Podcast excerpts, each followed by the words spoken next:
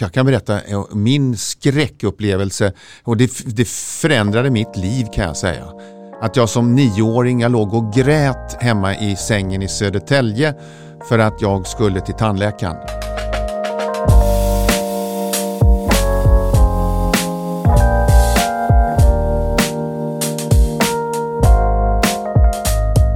Fritt vårdval, vårdgaranti. Hur och när har man rätt att lista sig? Varför kostar det olika att gå till tandläkaren? Och hur kan man faktiskt betala 100 kronor för ett dygn på intensiven som egentligen kostar över 100 000 kronor? Ja, någon måste hejda mig, vi har ju så mycket att prata om. Men som tur är så är det inte jag själv som ska reda ut allt det här utan med mig har ju faktiskt Dr. Mikael.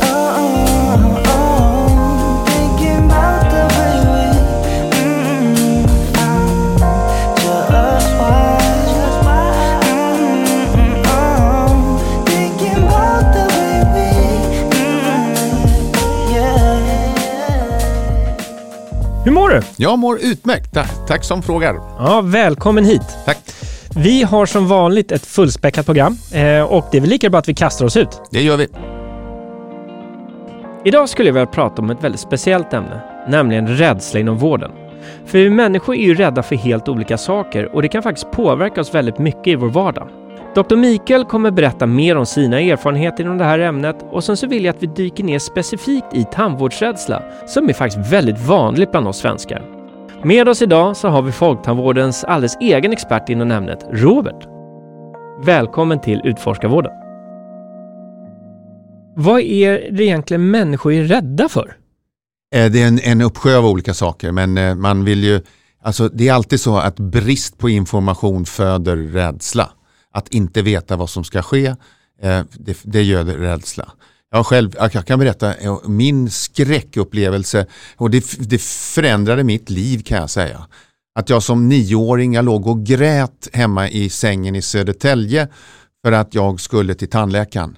Eh, och det hade varit där en gång förut, denna hemska kvinna som hette eh, som, jag, jag glömmer det inte. Och då kan vi, kommer vi osökt in på vad som ska, skapar ett minne. Och det, det är så här att vi, våra minnen nu, nu hoppar jag, nu är många bollar i luften Ja. här. Men alltså ett minne skapas av positiva saker, negativa saker, men det finns någonting som skapar ett kraftigare minne än någonting annat. Och det är att bli kränkt. Jaha, Eh, jag satt i den där stolen, in stormar en, en, en arg kvinna som inte presenterar sig, bänder upp munnen istället för be mig öppna munnen. Och jag förstår ingenting, jag vet inte när det börjar, jag vet inte när det ska sluta. Det gör ont, man har en vassa saker, man värmer en spegel på någonting, varför ska man ha eld i min mun? Jag var vettskrämd av den här personen. Och, jag, och det, som du vet, man kommer ihåg ett namn och det här är alltså 55 år sedan. Mhm. Och jag har inte glömt det, jag, jag vågar säga namnet för personen. Jag tror ni inte är verksam längre. Nej, nej det tror inte jag heller.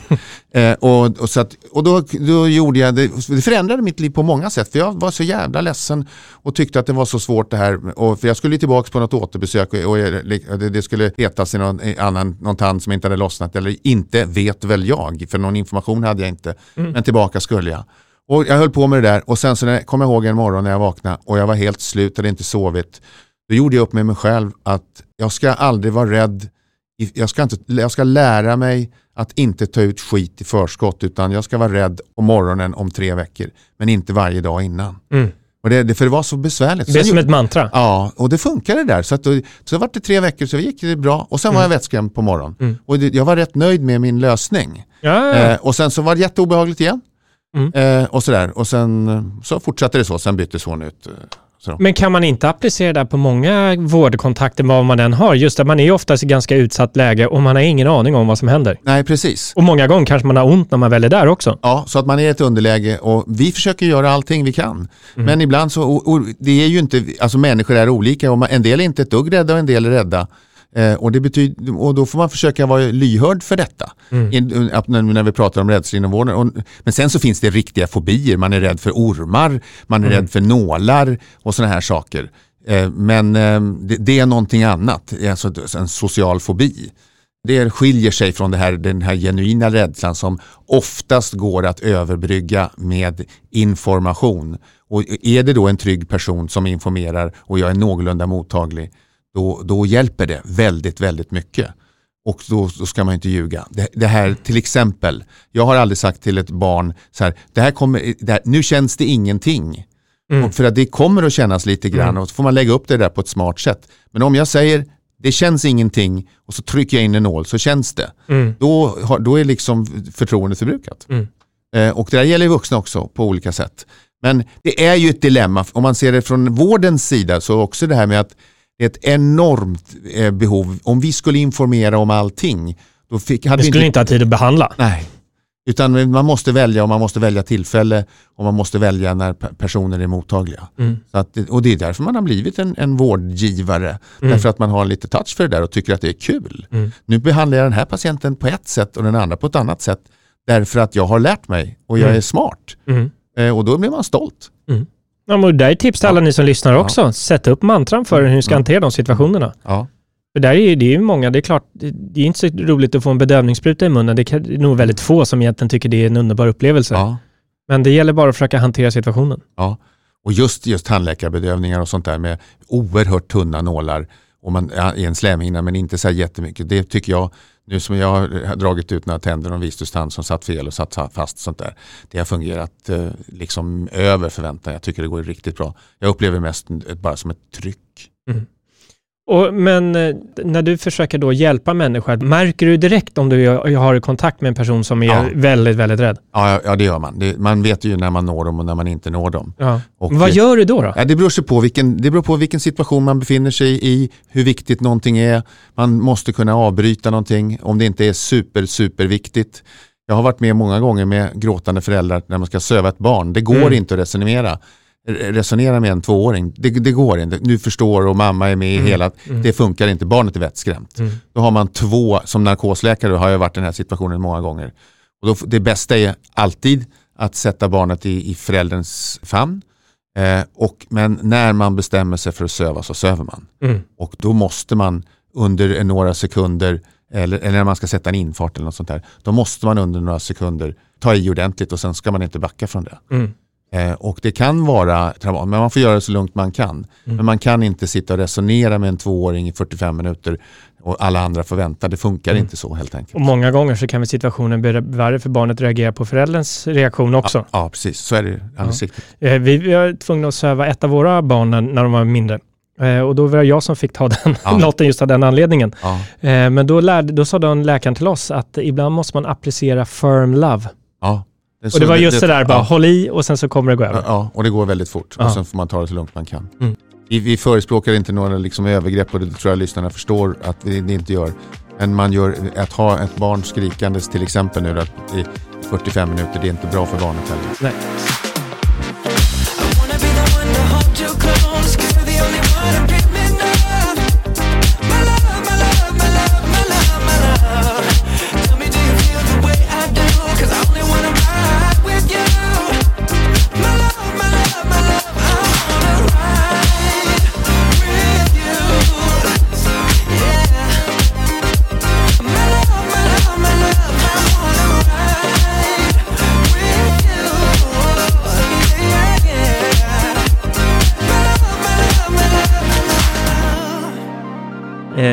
Mitt emot mig har jag Robert ifrån Folktandvården.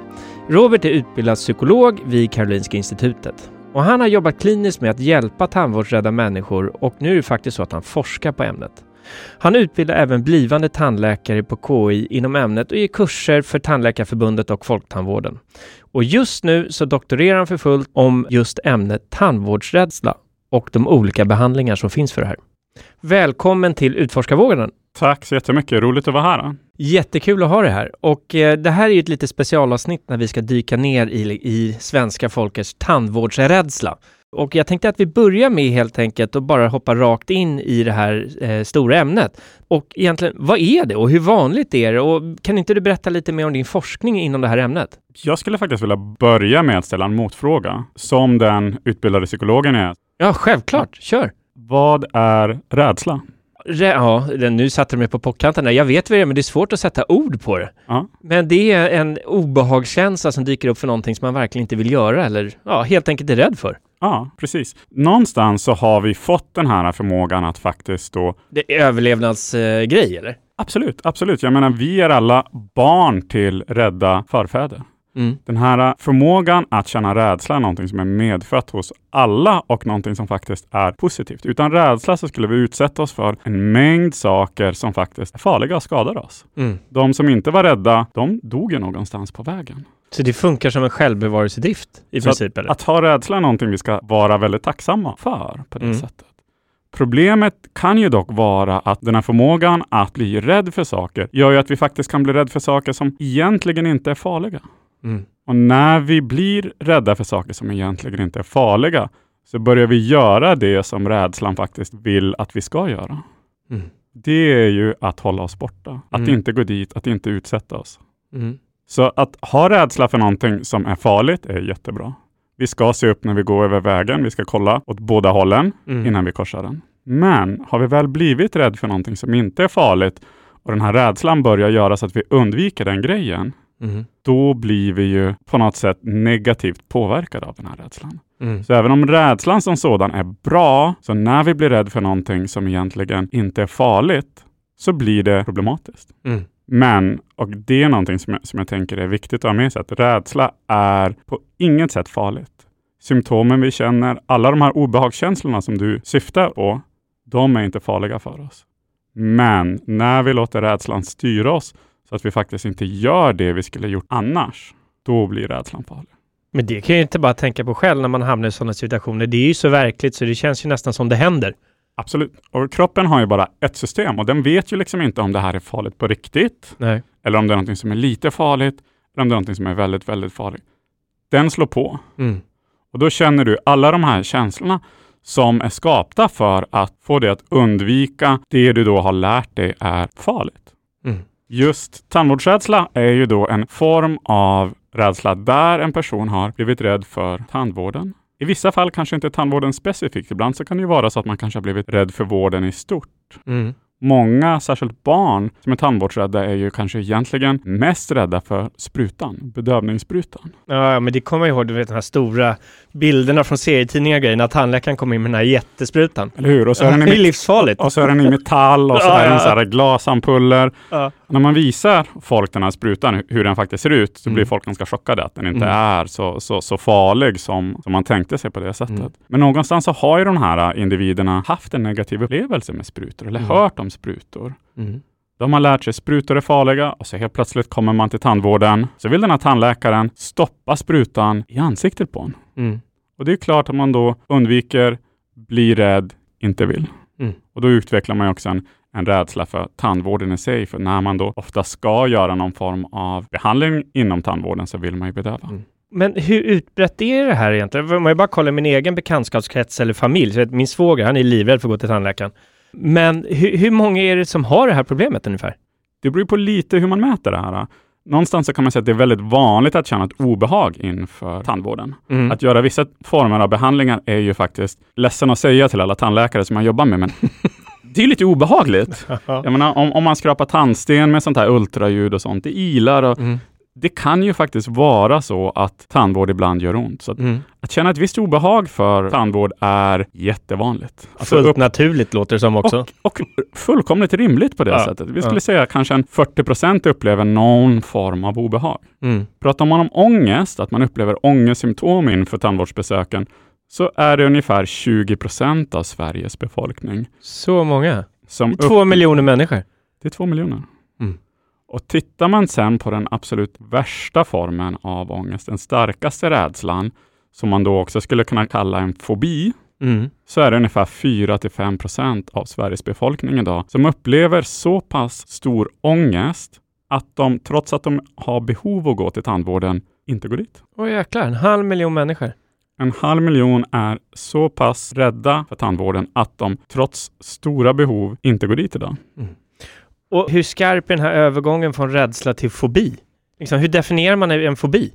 Ja, alltså någonstans så kan man ju mäta ångest och rädsla på lite olika sätt. Man kan ju ge folk formulär och så kan man fråga liksom 1 till 10, hur jobbigt tycker du det här är? Så kan man ge folk någon form av totalsumma för den här rädslan. Så kan man säga om de har lite ångest, mycket ångest eller kraftig ångest. Men det man gör som kliniker är ju att man ställer en diagnos. Mm. En fobi är ju då en medicinsk diagnos som bygger på ett antal kriterier som ska vara uppfyllda. Mm. Och huvudkriteriet som egentligen är av vikt, det är ju att rädslan är så pass stark så att den kraftigt påverkar ens fungerande i vardagen på något sätt. Så att även om du är väldigt rädd för någonting, men det inte fungerar eller påverkar ditt fungerande, så skulle man kliniskt inte säga att det är en fobi. Mm. Så du kan vara väldigt, väldigt rädd, men om det inte påverkar din vardag, Mm. då är det inte en fobi. Mm. Men är rädslan så pass kraftig så att den påverkar din vardag, då pratar vi om en fobi. Mm. Det är egentligen där jag skulle säga att definitionen är. Att man kan vara väldigt rädd, men gå dit ändå. Man kan göra den här saken ändå. Det är inte så farligt. Mm. Men när man är rädd och det gör att man undviker någonting som man annars skulle ha någonting positivt av, det är Mm. då det blir problematiskt. Mm. Och ta din svåger här som, som du pratade om, som var rädd för tandvården. Mm. Vad händer med den om den undanhåller sig från tandvården under lång tid? Ja, han får ju dålig munhälsa. Eller hur? Mm. Så någonstans kommer det här till slut att leda till, genom munnen också till allvarliga hälsoproblem, kan det leda till. Mm. Det kan leda till kraftig värk under lång tid. Många går ju under åratal med tandvärk. Mm. Man tar regelbundet och äter olika former av smärtstillande för att kunna sova på nätterna. Mm. Man gör en massa sådana här beteenden istället för att bara gå till tandläkaren som skulle på ett besök på 40 minuter kunna lösa ens problem. Otroligt.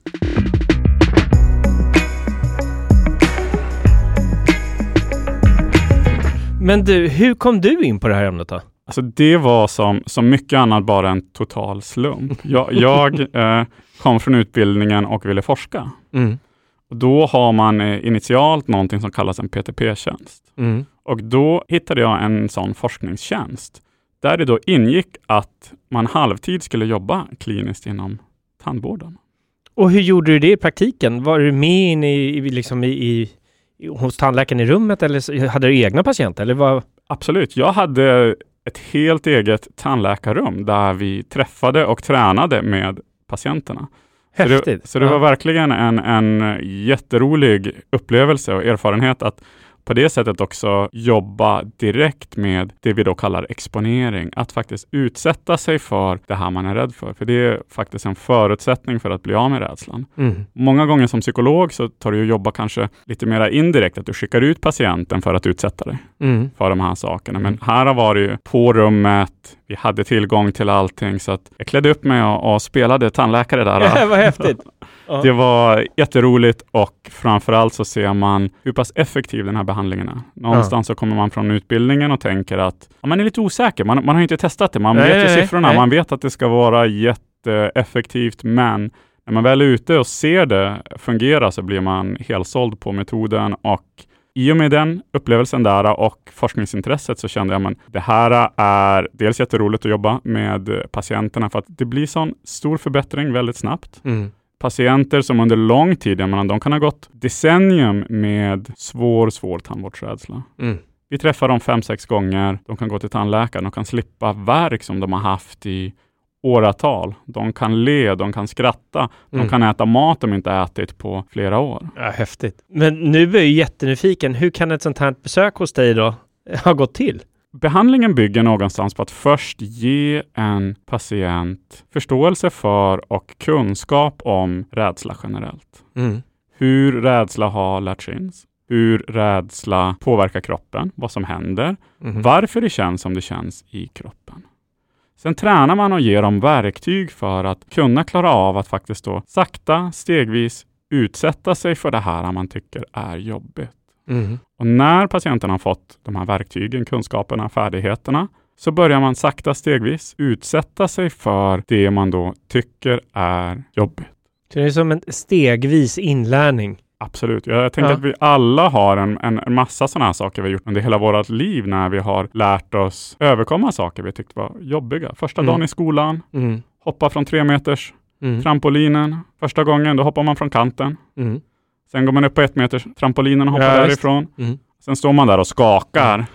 Ja, jag var ju inte jättekaxig när vi skulle spe- spela in vårt första avsnitt med podden heller. Men, ja. Vad gjorde ni då? Nej, jag bara körde. Mm. Men då skulle ni hoppa trampolin också eller? Ja, men precis.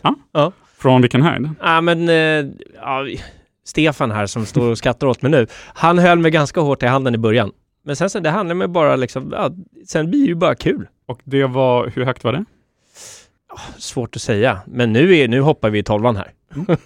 Och, och, det är precis samma princip det här fungerar på, att någonstans utsätter man sig med kunskap och färdigheter, Mm.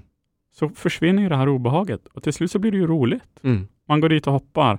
Men den här liknelsen är ganska bra för att blir det då att du skulle hoppa, men du får ett magplask Mm. vid varje försök, Mm. Så skulle ju rädslan och obehaget inför att hoppa igen inte minska. Mm. Nej, absolut. Så någonstans så behöver man ju också få färdigheter i att hoppa. Mm. Jag vet inte om det var någon som tränade dig eller om du bara hade tur och landade med fötterna sådär. Nej, men jag tror att det var nog lite tur att jag landade på fötterna de första gångerna, annars så kanske jag inte hade suttit där, men vad vet jag? Mm.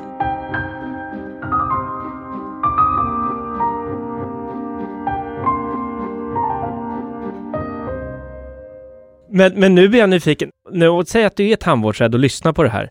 Vad kan du som patient göra för att komma in på rätt köl med din tandläkare? Jag skulle säga att det första steget som nästan är det absolut svåraste för alla, är att överhuvudtaget kontakta tandvården. Mm. De flesta tar ju faktiskt och totalt undviker tandvården Mm. under väldigt lång tid. Så första steget är ta kontakt med tandläkaren. Ring Mm. bara upp och i ett andra led, när du väl har ringt det här första samtalet, så berätta för dem att du är tandvårdsrädd. Mm.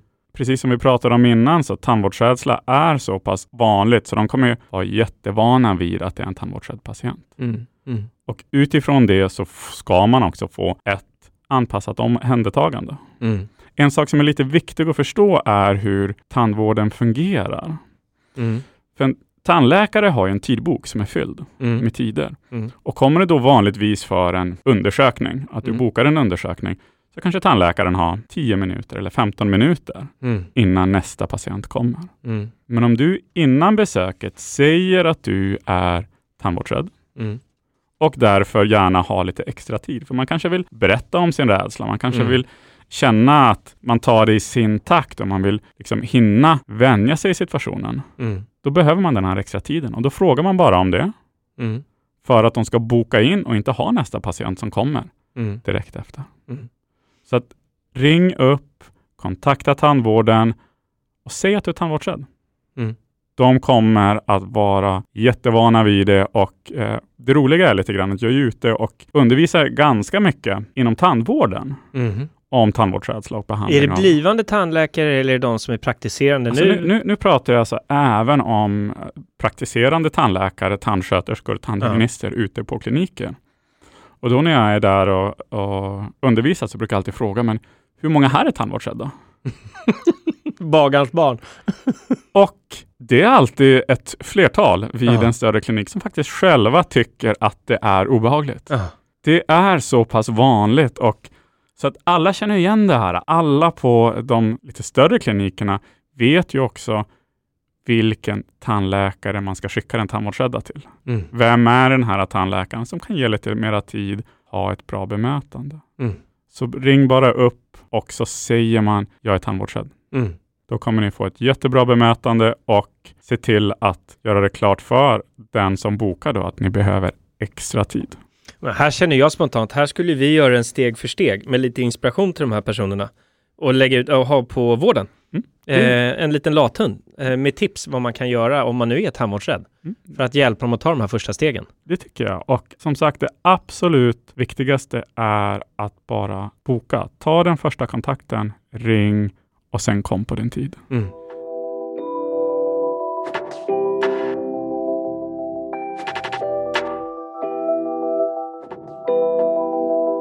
Det som också är viktigt att veta är ju att all vård i Sverige ges ju frivilligt. Mm. Kommer du till tandläkaren så är det ingen som kan tvinga dig att ta någon vård på något sätt.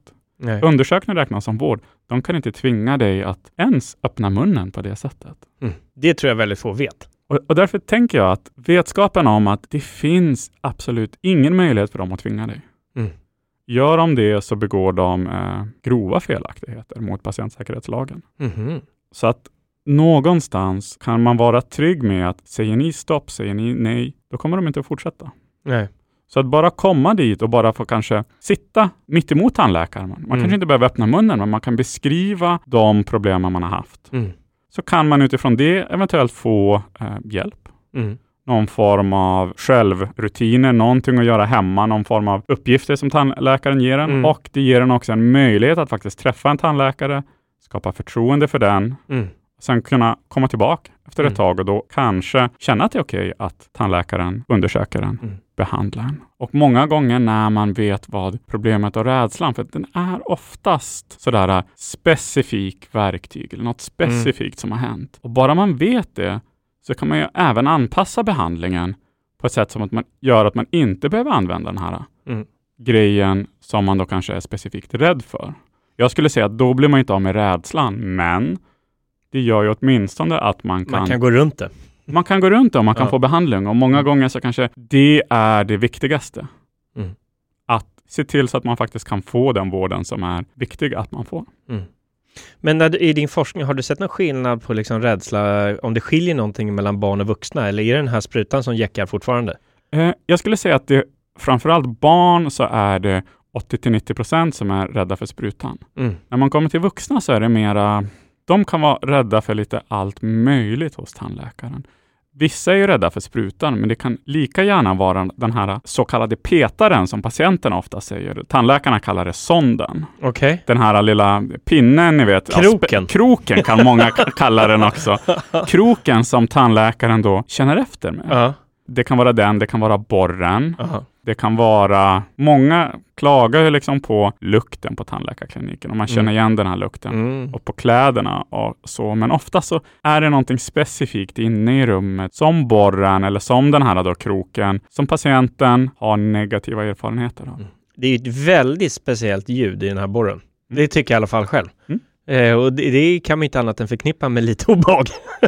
Verkligen, och enda gången du hör den typen av ljud är ju nästan när du är hos tandläkaren. Mm. Sen är det ganska, faktiskt ganska jobbigt när grannarna borrar. Ja, ja, I- absolut. i, förvisso, det, det, det, är ett sånt där, äh, ett, ett jobbigt ljud på det sättet. Många kan faktiskt tycka att borrljudet är jätte, jättejobbigt. Mm. Och när jag jobbar med patienter och sättet man behandlar eh, patienter för rädslor bygger på någonting som kallas klassisk betingning. Mm. Jag vet inte om du, om du kommer ihåg från, från skoltiden, om du kommer ihåg den här Ivan Pavlov och Pavlovs hundar? Ja, men det var inte det de som fick elstötar? Nej, Nej, vad var det? Eller Nej. de som fick mat och så var Ja, de skulle nej, elstötarna är milligram. Ah, Okej. Milligram kalla, Ja, kallas, det Ja. kallas det experimentet. Men det var hundar som fick mat om de gjorde någon viss sak, eller hur? nej, Nej, vad var det de gjorde då? Alltså, Ivan Pavlov, han forskade på matsmältning. Mm. På matsmältning hos hundar. Så han hade kopplat upp de här hundarna i en apparat som mätte salivering. Okej. Så han gav dem mat och så mätte han hur de saliverade. Mm. Men det här var på eh, sent 1800-tal. Av någon anledning så hade man en sån här klocka som ringde, lite så här storköksklocka, Mm. Mm. Mm. som ringde innan man gav hundarna mat. Ah, okej. Mm. Efter några gånger så började han att se att så fort klockan ringde innan hundarna faktiskt hade fått mat Mm. så började de salivera. Mm.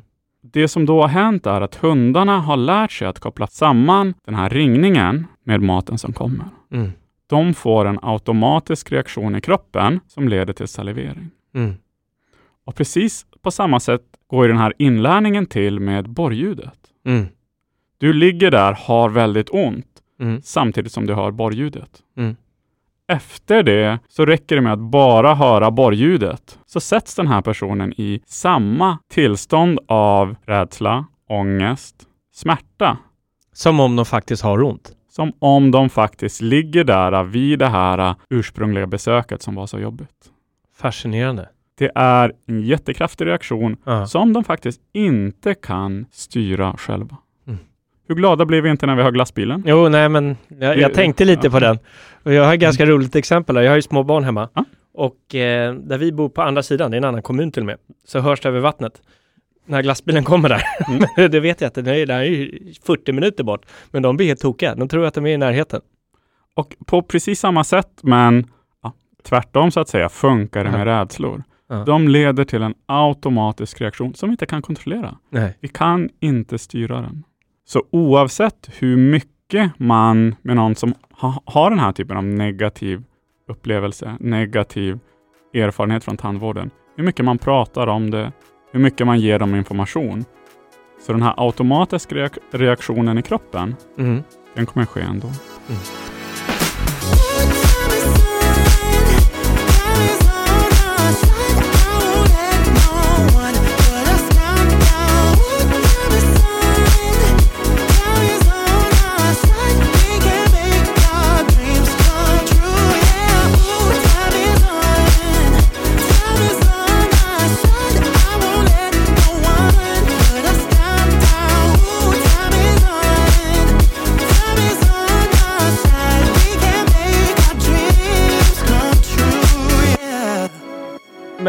man sitter nu och har sån här liksom nästan fobi för det här, för det, det är ju lite en skala och Mm. precis som du sa innan, så här, bryt beteendet, prata med din eh, ordinarie tandläkare.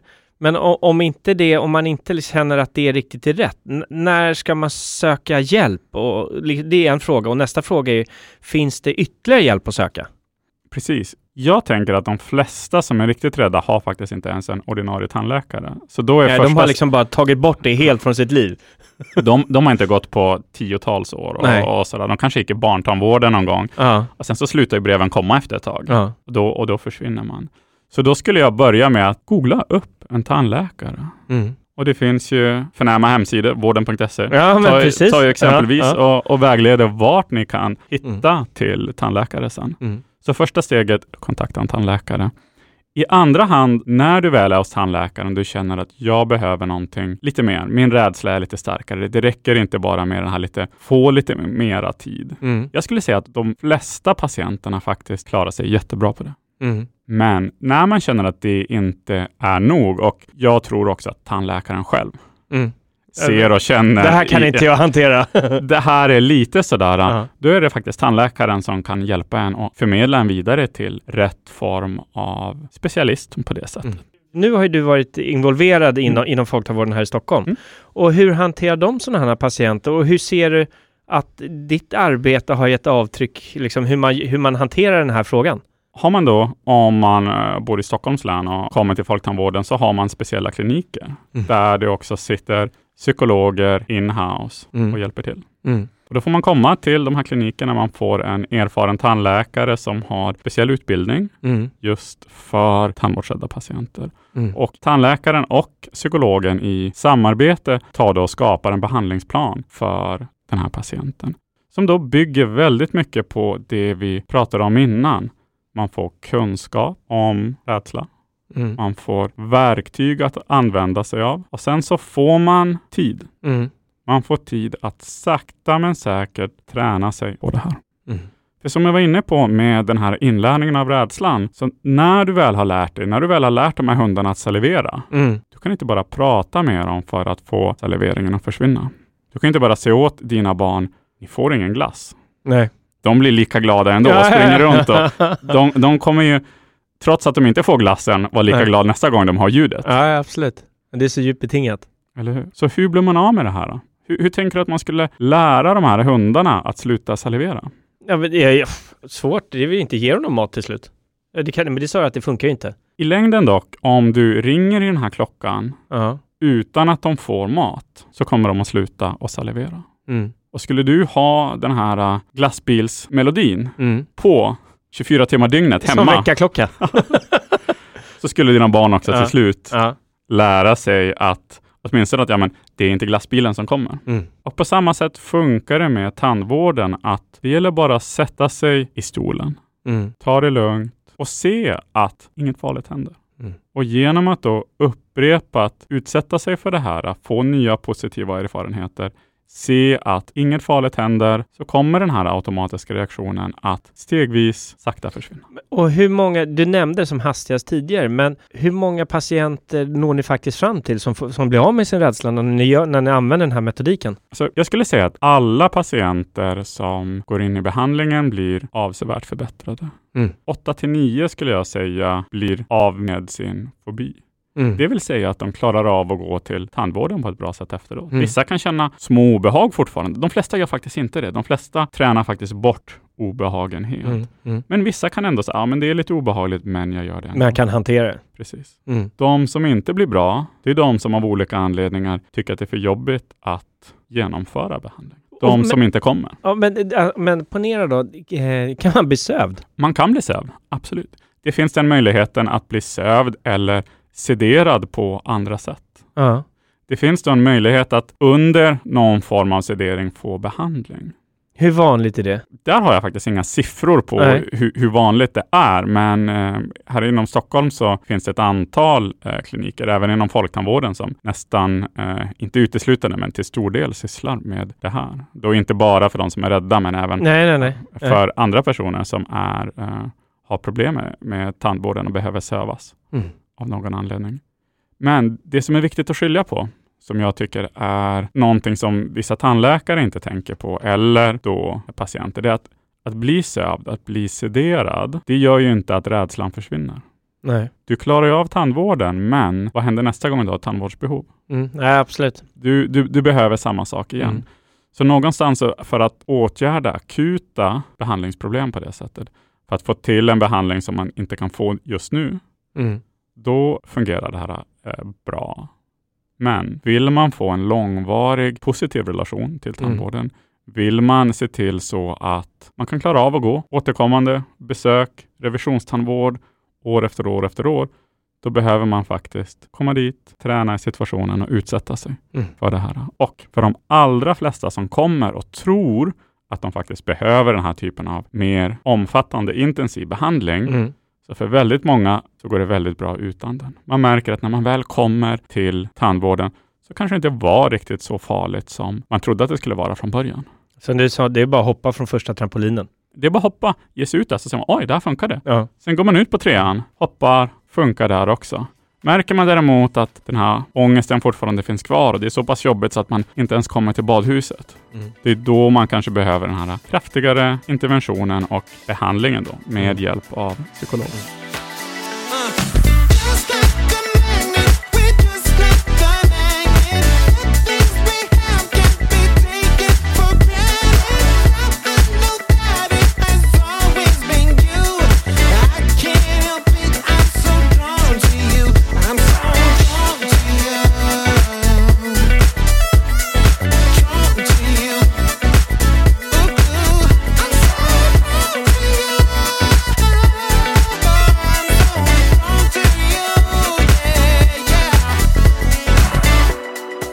Du nämnde ju lite tidigare om, om det, liksom, att du forskar på det här Mm. ämnet. Men om, om man går in lite mer konkret, liksom, vad är det du försöker ta reda på egentligen?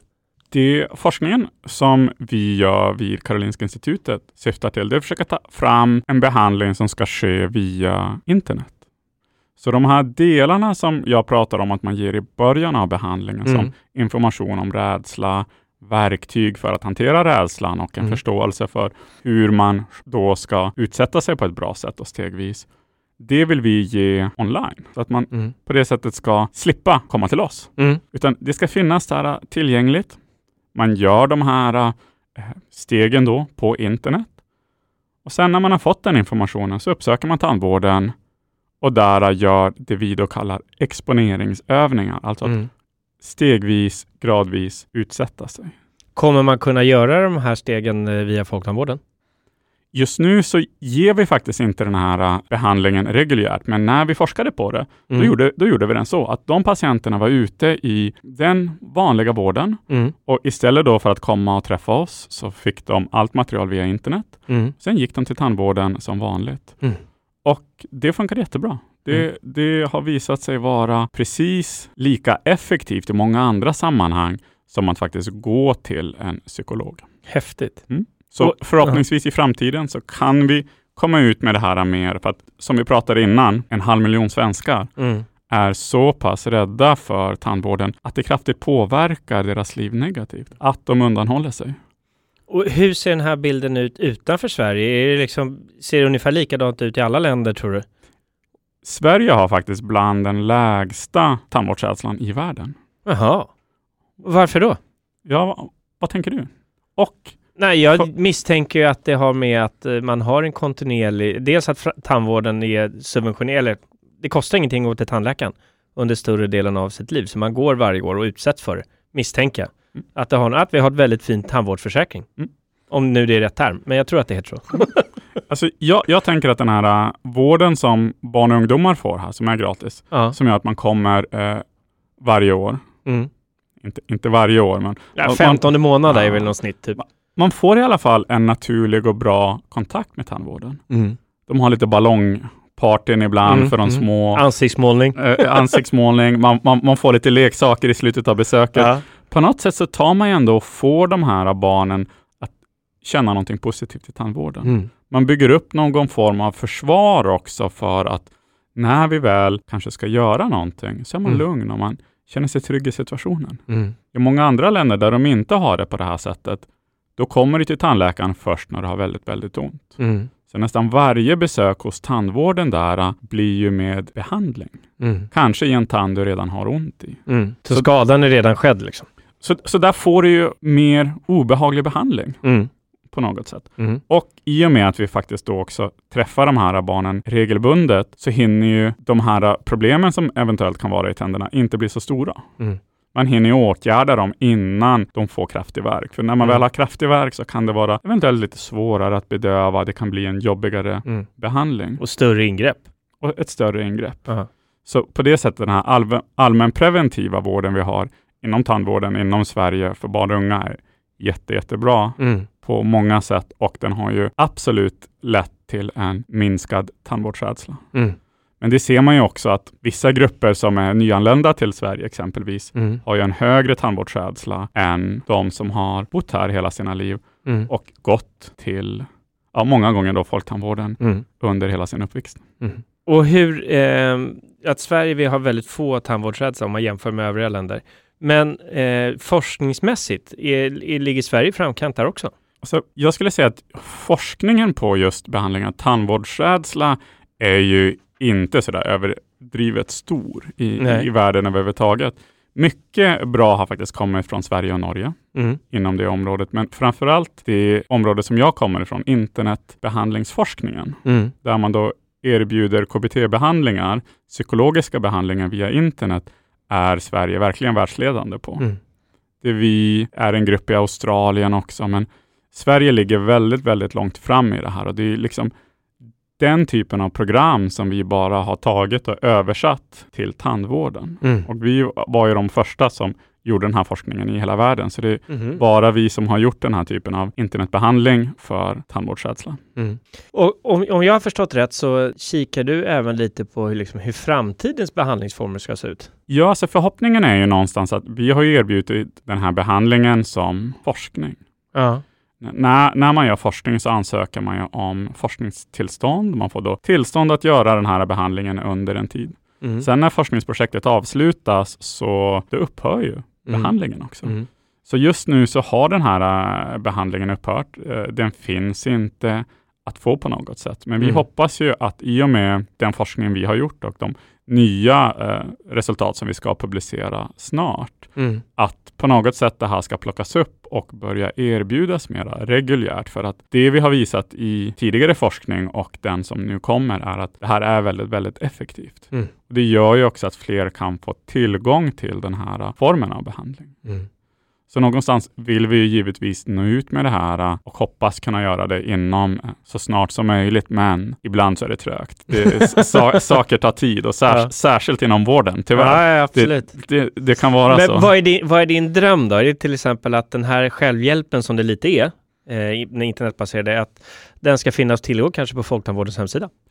Absolut. Ja, jag, jag tänker att få ut det här, äh, att folk ser att det går att behandla. Mm. Och min dröm är ju någonstans bara att alla ska kunna gå till tandläkaren. Mm. Jag tror att den här typen av internetbehandling är ju inget för alla. De som kanske är inne och lyssnar på den här podden redan Mm. är på internet, kollar upp saker. Mm. För de passar det jätte, jättebra. Mm. Men det finns ju vissa där ute som inte tycker att Mm. internet är lika, jag vet inte om jag ska säga roligt, intressant, eller de använder sig inte av internet på Nej. samma sätt. Nej. Och för dem behöver det finnas andra alternativ Mm. också.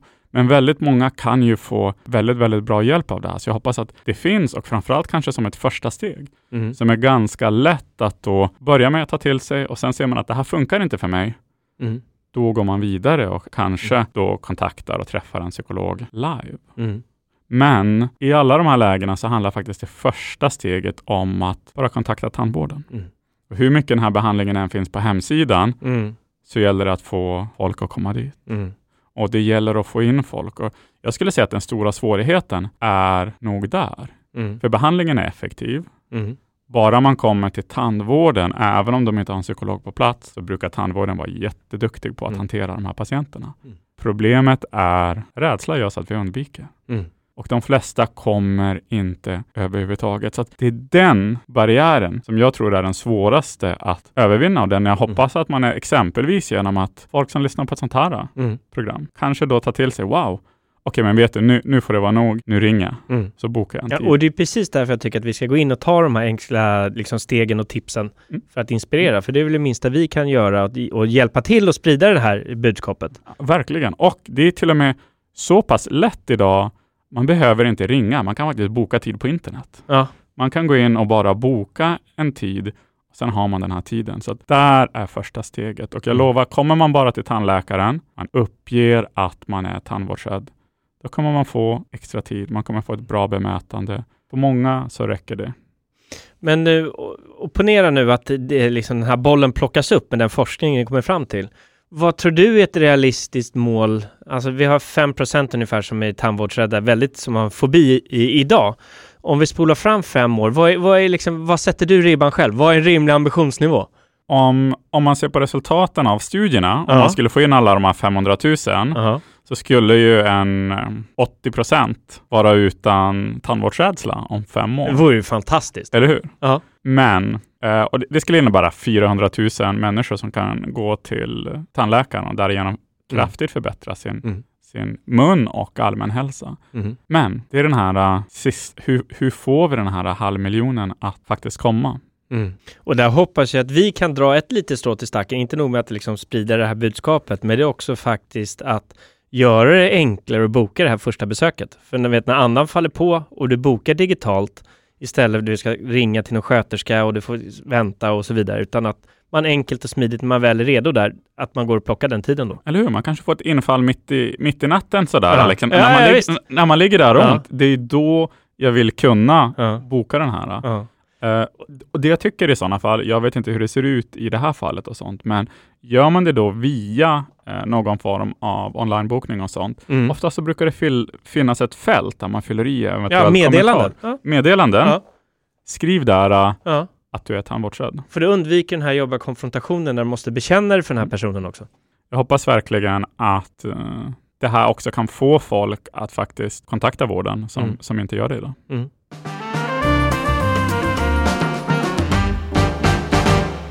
Jättetack Robert för ett väldigt spännande samtal. Tack, eh, roligt att vara här. Och om du ska skicka ut något liksom avslutsvisdomsord till, för det är troligt statistiskt sett så är det ett gäng väldigt tandvårdsrädda som lyssnar på det här avsnittet. Vad är det du skickar med till dem då? Jag skulle börja med att säga att för det första, det är inget konstigt med att vara rädd. Alla är rädda för olika saker. Just du är rädd för tandvården. Det finns jättebra behandling och det finns jättebra bemötande att få där. Första steget ligger i att bara kontakta oss. Så ta Mm. första bästa möjligheten, den vägen in som känns bäst för dig. Kontakta tandvården, säg att du är tandvårdsrädd. Sen så kommer faktiskt det här att, tror eller ej, gå mycket, mycket bättre än du tror. Mm. Så stort tack för det viktiga arbete du gör och eh, tillsammans med Folktandvården för att eh, hjälpa den här halvmiljonen människor som faktiskt inte går till tandläkaren. Stort tack för att jag fick komma hit. Mm. Och det är faktiskt också, nu pratar vi om en halv miljon som är så pass rädda för att överhuvudtaget gå till tandvården. Mm. Men cirka två miljoner som upplever ångest och obehag Ja, ja. som ja, påverkar det är lätt dem. att glömma det. Eller hur? Och, Mm. och även de kan faktiskt få bra hjälp. Mm. Och första steget som mycket annat handlar om att söka hjälp. Mm. Och är du då tandvårdsrädd, då måste du faktiskt uppge det för Mm. att kunna få hjälp för det. Gå inte dit, spela häftig, Nej. Ja, in, in, inom tandvården så kan man många gånger prata om lite så här buttra, sura äldre män. Mm. Sådär, som, så, så, som då kanske egentligen är, är lite rädda. Ja. Sådär, men, Ja. men, men inte vill uppge det. Och de kan vi träffa i andra sammanhang ja, också. De, de, de finns överallt. Jag vet inte om de alltid sådär är, är just rädda, men jag tror att i den här situationen, folk är lite ovana Ja. att faktiskt säga, vet du att jag är rädd. Ja. Jag upplever det här som obehagligt. Gör du bara det så kommer de att förstå. Du kommer få ett jättebra bemötande. Jag, jag, tänker, jag omformulerar mitt tack till tack för det fantastiska jobbet som du gör tillsammans med Folktandvården för över två miljoner människor. Det låter mycket bättre. Eller hur?